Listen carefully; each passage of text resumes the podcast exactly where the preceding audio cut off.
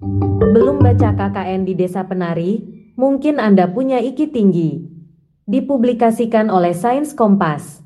Kompas.com KKN di Desa Penari beberapa hari belakangan kerap diperbincangkan oleh warganet. Laman Facebook, Twitter, dan media-media online pun diisi pembahasan mengenai kisah ini. Namun, seperti dilihat di kolom komentar Facebook untuk artikel kompas.com mengenainya, masih ada orang-orang yang belum dan mungkin tidak berminat membacanya.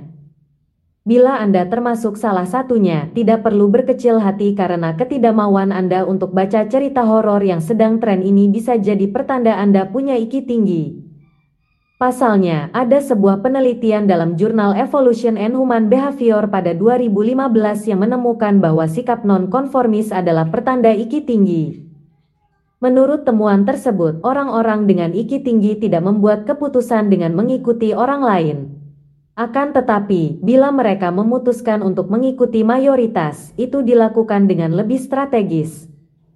Baca juga KKN di Desa Penari, kenapa kita harus menghormati aturan suatu daerah? Dengan kata lain, orang-orang pintar biasanya membuat jalannya sendiri karena mereka pikir mereka punya jawaban yang benar.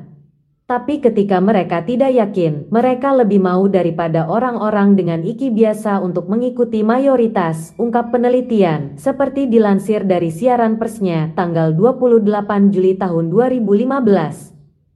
Para peneliti dari University of British Columbia (UBC) mendapatkan hasil tersebut setelah melakukan eksperimen mengenai informasi sosial atau informasi yang kita dapat dari orang lain terhadap 101 orang.